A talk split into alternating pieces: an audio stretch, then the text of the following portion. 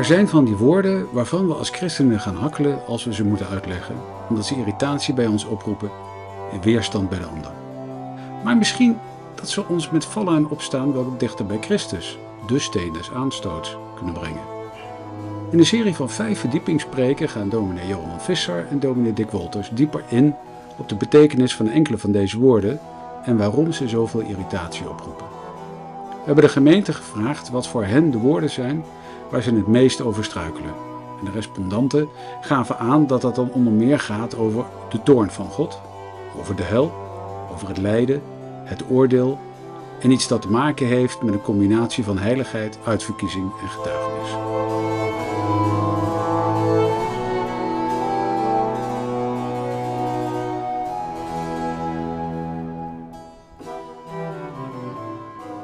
Dit is de tweede in de serie van vijf struikelwoorden. Thema is de hel. Is de hel een angstaanjagend beeld uit het verleden waar we niet meer in geloven? Of is het juist een troostrijke verkondiging van God die recht doet? In deze dienst denkt dominee Dick Wolters na over dit struikelwoord. Het is opgenomen op 14 mei 2023 in de Noorderkerk te Amsterdam.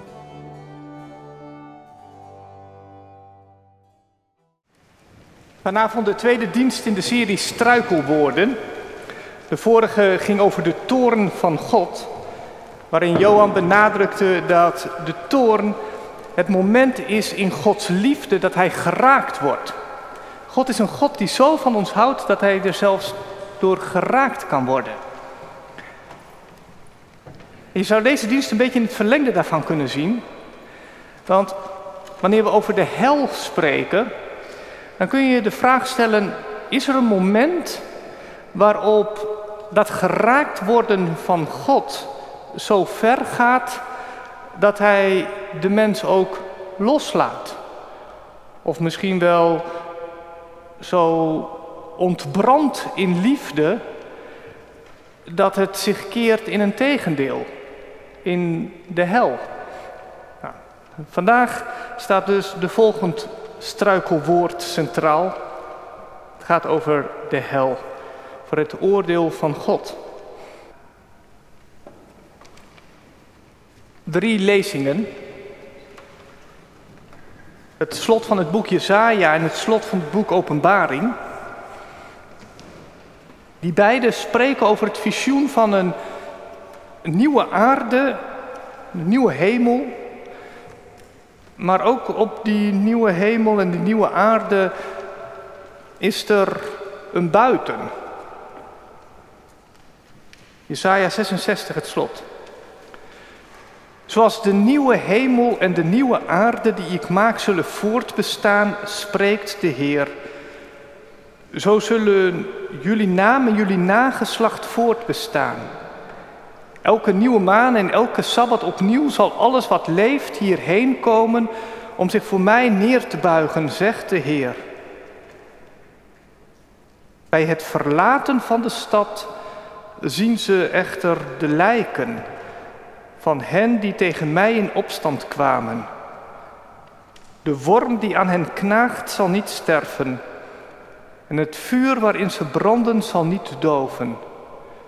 Ze worden verafschuwd door alles wat leeft. En het boek Openbaring, het slot, hoofdstuk 22, waar Patmos Johannes het visioen gezien heeft van het hemelse Jeruzalem dat neergedaald is op de nieuwe hemel en de nieuwe aarde.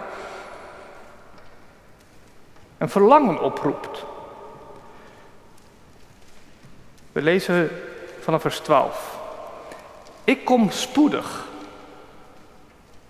en heb het loon bij me om iedereen te belonen naar zijn daden. Ik ben de Alpha en de Omega, de eerste en de laatste, het begin en het einde. Gelukkig zijn zij die hun kleren wassen.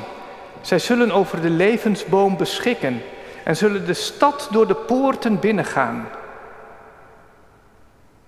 Buiten is de plaats voor de honden, die zich bezighouden met toverij en ontucht, met moord en afgodendienst.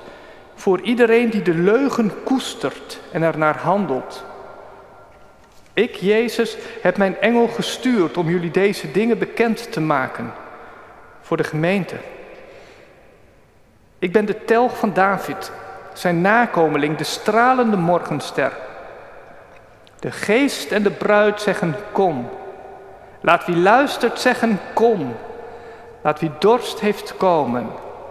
Laat wie dat wil vrij drinken van het water dat leven geeft. Ik denk dat in Matthäus 18, de versen 7 tot en met 9, de sterkste teksten zijn vanuit de, wat Jezus zelf spreekt, die over de hel spreken. Ik denk dat het wel belangrijk is om dat in de context te lezen. Daarom begin ik bij vers 1 van Matthäus 18. Op dat moment kwamen de discipelen bij Jezus en zeiden: Wie is toch de belangrijkste in het koninkrijk van de hemel? En Jezus riep een kind bij zich en zette dat in het midden. En hij zei: Voorwaar, ik zeg u, als u zich niet, als u niet verandert en wordt als de kinderen, zult u het koninkrijk der hemelen beslist niet binnengaan. Wie zich dan zal vernederen als dit kind, die is de belangrijkste in het koninkrijk der hemelen. En wie zo'n kind ontvangt in mijn naam, die ontvangt mij. Maar wie een van deze kleinen die in mij geloven doet struikelen, het zou beter voor hem zijn dat een molensteen aan zijn hals gehangen was en dat hij in de diepte van de zee gezonken was. Wee de wereld vanwege al haar struikelblokken.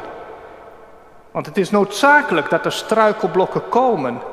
Maar wee die mens door wie zo'n struikelblok er komt. Als dan uw hand of uw voet u doet struikelen, hak hem af en werp hem van u.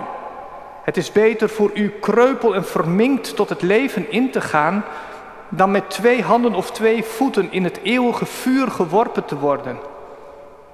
Als uw oog u doet struikelen, ruk het uit en werp het van u.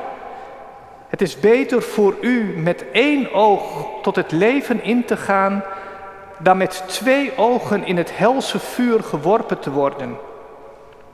Pas op dat u niet één van deze kleinen veracht. Want ik zeg u dat hun engelen in de hemelen altijd het aangezicht zien van mijn Vader die in de hemelen is. Want de Zoon des Mensen is gekomen om zalig te maken wat verloren is. Wat denkt u, als iemand honderd schapen heeft en één daarvan afgedwaald is, zal hij dan niet die 99 anderen achterlaten en in de bergen het afgedwaalde gaan zoeken? En als het gebeurt dat hij het vindt, voorwaar ik zeg u dat hij zich daarover meer verblijdt dan over de 99 die niet waren afgedwaald. Zo is het ook niet de wil van uw Vader die in de hemelen is, dat één van deze kleinen verloren gaat.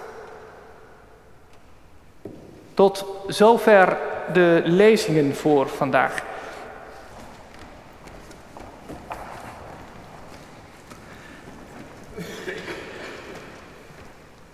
Gemeente van onze Heer Jezus Christus.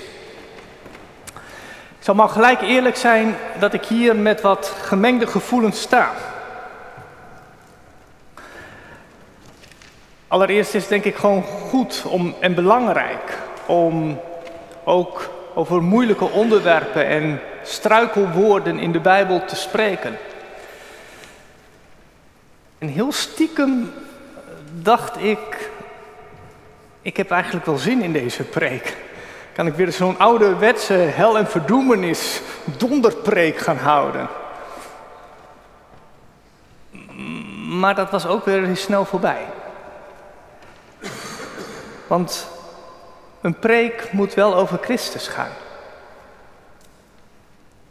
Je komt naar de kerk om even in een andere sfeer terecht te komen. Op deze aarde zijn al genoeg plekken waar de ellende zo groot is dat je van een hel kunt spreken.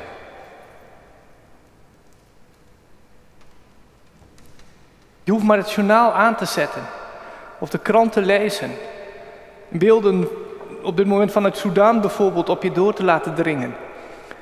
En je, en je beseft dat je het niet eens over de hel hoeft te hebben om die werkelijkheid als een dagelijkse realiteit in deze wereld te zien. En naar de kerk kom je om een ander verhaal te horen.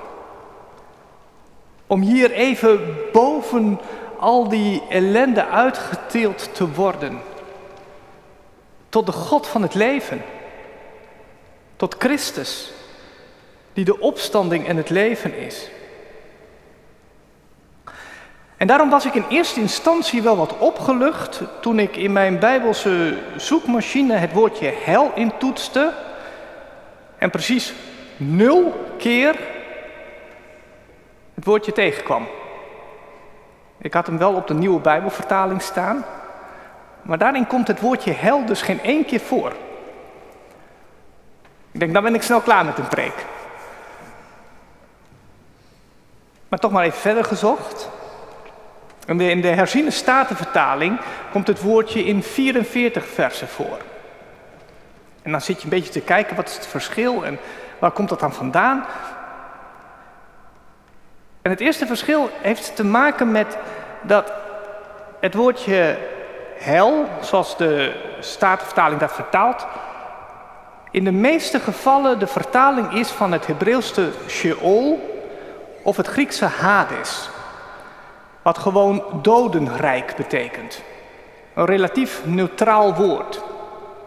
Relatief neutraal, want de dood is in de Bijbel altijd een tegenstander van de God van het leven. Maar het is neutraal in de zin van dat iedereen daar terecht komt. Twaalf versen kent een ander woord. Het woord Gehenna. En dat woord komt misschien wel het dichtst bij het beeld dat wij bij de hel hebben.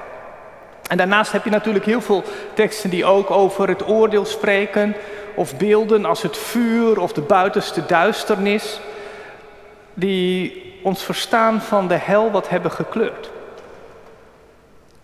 Wat ik met jullie wil doen in deze dienst is in drie stappen door die versen en die beelden wat heen te gaan om tot te ontdekken wat de Bijbel zegt. En ik hoop eigenlijk uit te komen op, dat verklap ik alvast, op de troost van het oordeel. En de verantwoordelijkheid die daarbij een rol speelt. Maar ik wil beginnen met duidelijk te maken wat de Bijbel in ieder geval niet zegt over de hel. Wat is de hel niet? En misschien is dat wel het meest verrassende, omdat de hel niet hetzelfde beeld, of de Bijbel niet hetzelfde beeld van de hel heeft als die wij misschien hebben vanuit films of boeken of schilderijen. De hel is niet een buitenwereldse werkelijkheid waar de duivel het voor het zeggen heeft. Het is niet een buitenwereldse werkelijkheid waar de duivel de baas is. Want de Bijbel waakt er ten alle tijden voor om in een dualisme terecht te komen. In een tweegodendom. Alsof je een goede God hebt en een kwade duivel. En dat die beiden een stukje grondgebied hebben die ze op elkaar proberen te veroveren. Nee, de Bijbel is klip en klaar. Alles in de hele kosmos is Gods werkelijkheid. En er is geen één plek waar je kunt komen waar je uit Gods hand valt. Van de hoogste hemel tot in het diepste dodenrijk, zingt Psalm 139, bent u daar, de God van het leven.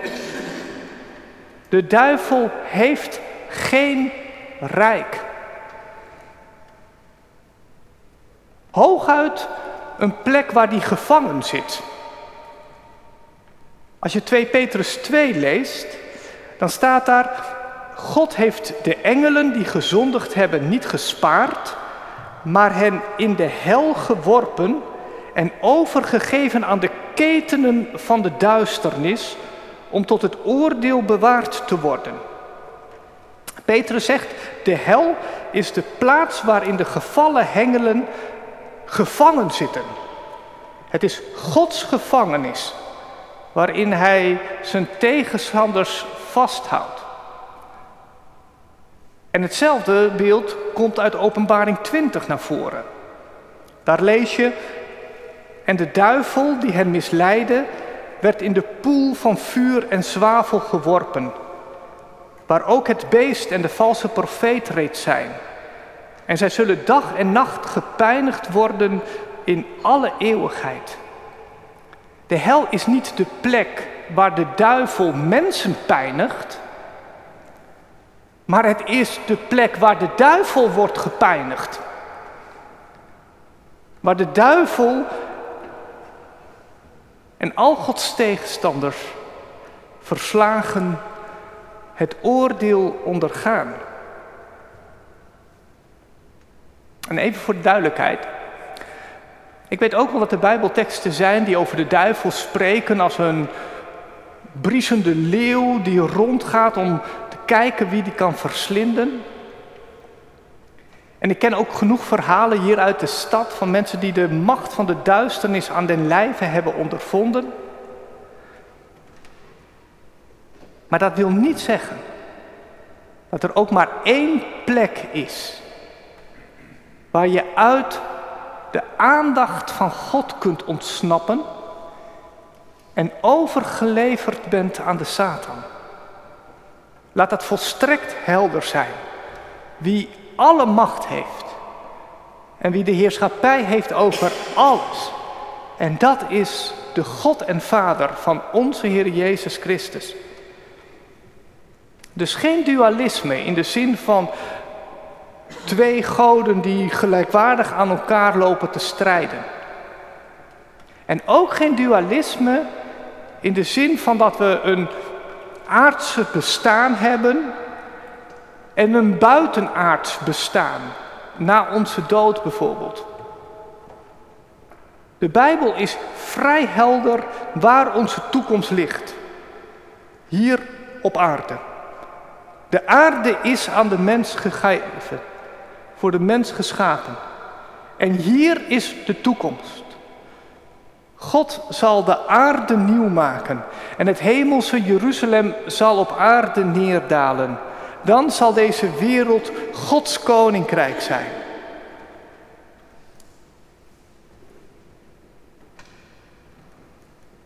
En toch, en dat verontrust misschien een beetje, zit aan het eind van het boek Openbaring, als die stad al is neergedaald, ook nog een buiten.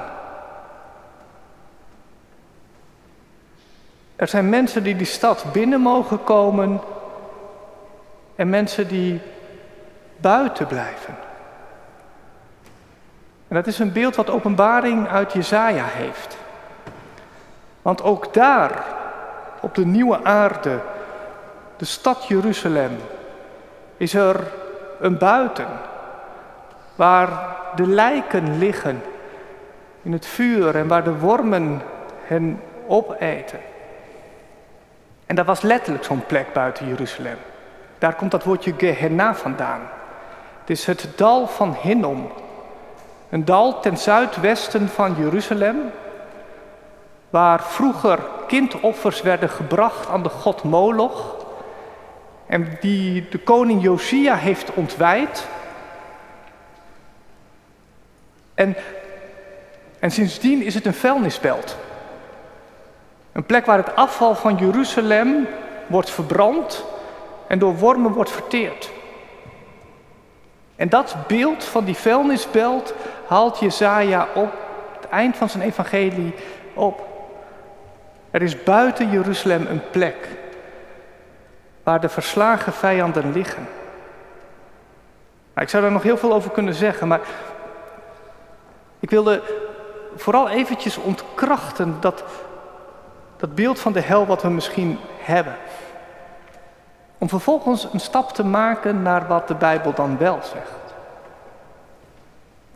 En het eerste wat de meeste theologen die ik las opwezen was dat, dat je misschien het beste over de hel kunt spreken als de plek waar God de keuze van de mens serieus neemt. De mens die ervoor kiest om zonder Hem te willen leven, laat Hij uiteindelijk los. Prima. Als je zonder mij wil leven, als dat je keus is, dan is het goed. Een van de meest indrukwekkende beelden die ik las rondom de hel is misschien de tekening die C.S. Lewis maakt in zijn boek De Grote Scheiding. Het is het beeld van een stad, volstrekt leeg en verlaten, lege straten, lege huizen, maar een stad die steeds verder uitdijt, omdat de mensen aan de randen van de stad steeds verder van elkaar een huis bouwen. Ze kunnen elkaar niet meer verdragen. In een wereld waarin je eigen autonomie centraal staat. En je eigen egotje. En je steeds meer op het eiland van je eigen gelijk gaat zitten. In zo'n wereld raakt de mens van elkaar vervreemd. En het wordt een complete, eenzame, verlaten bedoeling. En dat beeld zou wel eens verrassend actueel kunnen zijn. Ik heb wel vaker het boek van Esther van Venema aangehaald. Het verlaten individu. Een tekening van onze tijd. Waarin je als mens steeds meer op je eilandje komt te zitten, zonder relaties. En daarom noemt Bas Heijnen bijvoorbeeld de mens die zonder gemeenschap leeft een onmens. En met die woorden zitten we wel heel dicht bij het slot van openbaring. Want ik weet niet of het jullie opgevallen is. Degenen die buiten de stad zitten, die worden geen mensen meer genoemd, maar honden. Die zijn het mens zijn kwijtgeraakt. Want wat maakt ons tot mens? Het is dat we geschapen zijn, zegt de Bijbel, naar het beeld van God. Dat wil zeggen dat we in relatie leven met God, met elkaar, met deze hele schepping. Maar wanneer we stelselmatig ervoor kiezen om tegen die gemeenschap in te gaan, dan raken we steeds meer dat beeld van God kwijt. Tom Wright schrijft dan, het is blijkbaar mogelijk dat mensen elke fluistering van goed nieuws weigeren, elk glimpje van helder licht, elke oproep om om te keren, elke wegwijzer naar Gods liefde, zodat ze na de dood worden overgelaten aan hun eigen keus. En wezens worden die ooit mensen waren, maar die nu op geen enkele wijze meer Gods beeld dragen. Kortom, de hel als een uitvergroting van onze keuzes. Tegen God, tegen elkaar en tegen deze schepping. Toen ik dat dat soort beelden op me in dringen, toen, toen ontdekte ik dat dat die hel wel heel erg dichtbij kan komen. Dat je die niet eens meer naar de dood hoeft voor te stellen. Want dit zie je gewoon gebeuren hier op aarde. En het is te hopen dat we ons als mensheid bekeren. Zodat deze aarde iets krijgt van de glans van Gods koninkrijk. Of hoop Als de hoop bij ons ligt, dan, ehm, dan weet ik niet of ik zo hoopvol in het leven zou staan. En daarom nog een derde stap. Want de Bijbel spreekt vooral over de hel in het kader van God die oordeelt. En ik zal maar gelijk zeggen, ik ben blij dat er een God is die oordeelt. En dat God oordeelt. Dat er sprake is van goed en kwaad. En dat het niet aan ons is om dat te bepalen. En dat er een God is die de dingen recht zet. En misschien vind je het vreemd dat ik, dat ik zeg dat ik er blij mee ben. Want, want als God liefde is, kan hij dan niet iedereen vergeven? Die vraag komt misschien wel het sterkst naar voren als je over de hel spreekt. Ja, maar de andere vraag is dan ook, als God liefde is, wat dan met alle slachtoffers die deze wereld kent?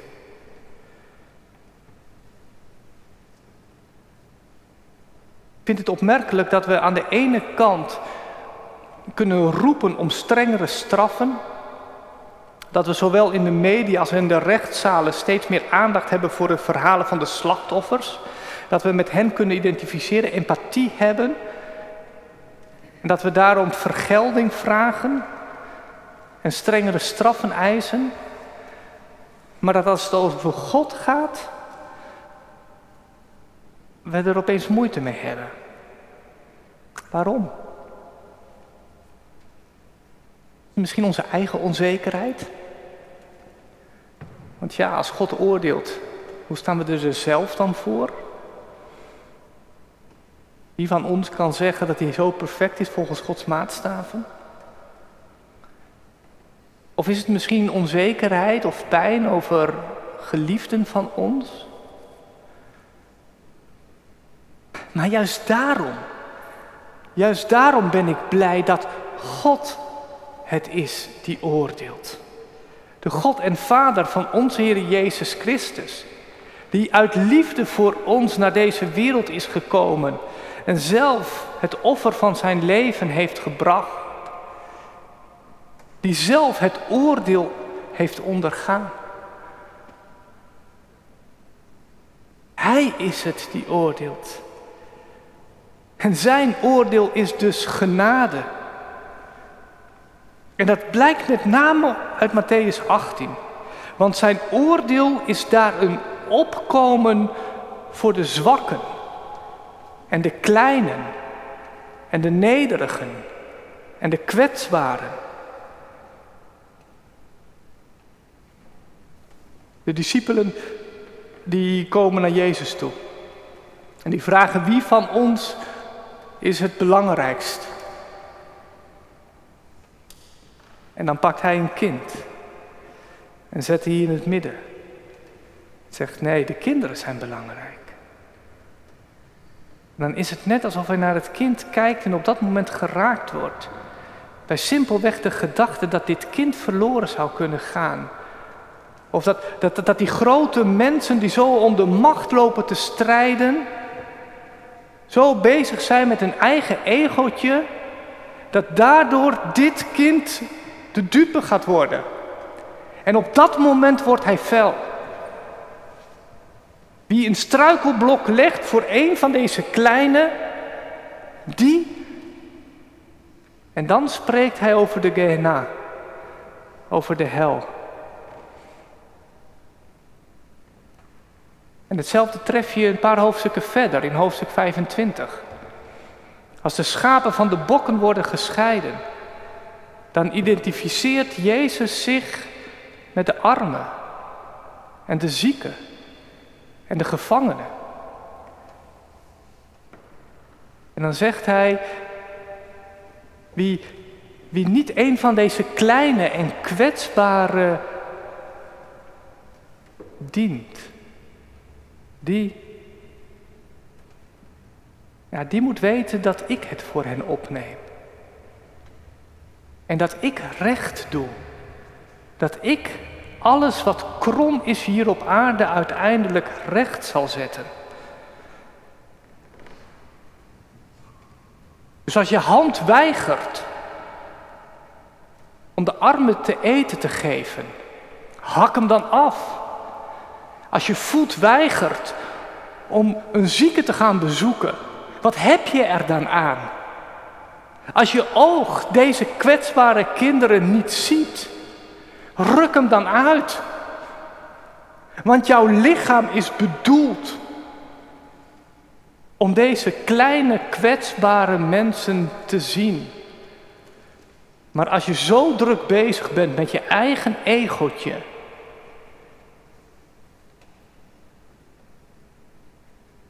dan verlies je uit het oog waartoe je hier op aarde bent.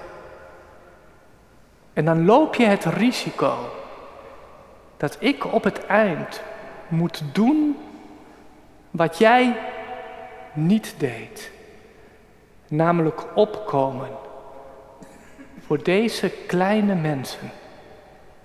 Want zoveel houdt God van hen, dat Hij niet wil dat er één van hen verloren gaat. Het is Gods liefde voor de kleinen en de kwetsbaren, die dit tot uiterste consequentie heeft. De hel. Het is uh, geen gemakkelijk onderwerp. En ik vermoed ook niet dat ik al je vragen heb beantwoord vanavond.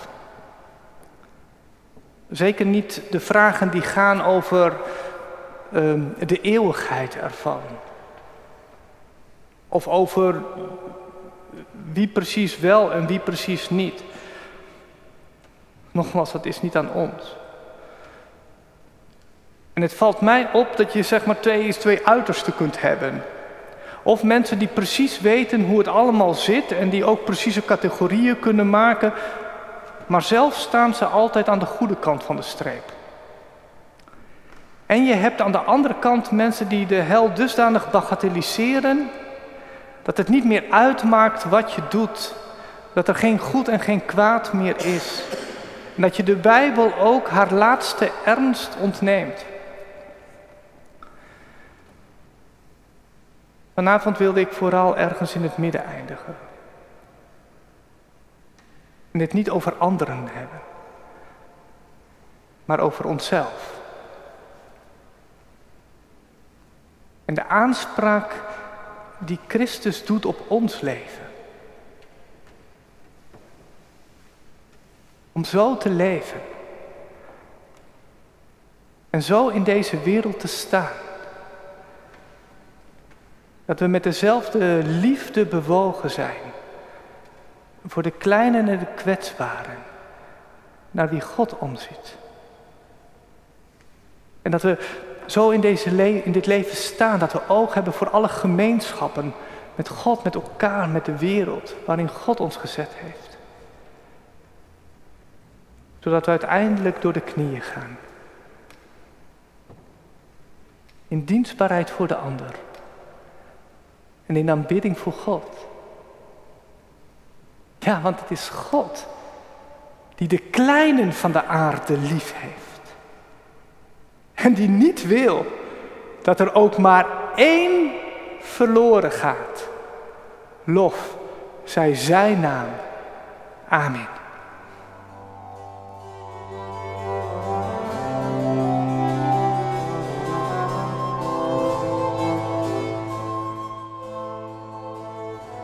Mocht u meer willen weten over deze struikelwoorden, luister dan naar de komende overdenkingen die worden gepost tot de zomer van 2023. Wilt u niets missen, abonneer u dan op deze podcast. De muziek van deze podcast is van Cornelis Schuit, het Padovane e Gagliardo del Secondo Modo, gespeeld door het artistiek collectief, opgenomen tijdens het speciale 400 jaar Noorderkerkconcert op 15 april 2023. Mijn naam is Michiel Dumont en mocht u meer willen beluisteren, kijk dan op onze stream op Spotify, iTunes of Soundcloud en op de website daar kunt u nog honderd andere preken en overdenkingen terugluisteren.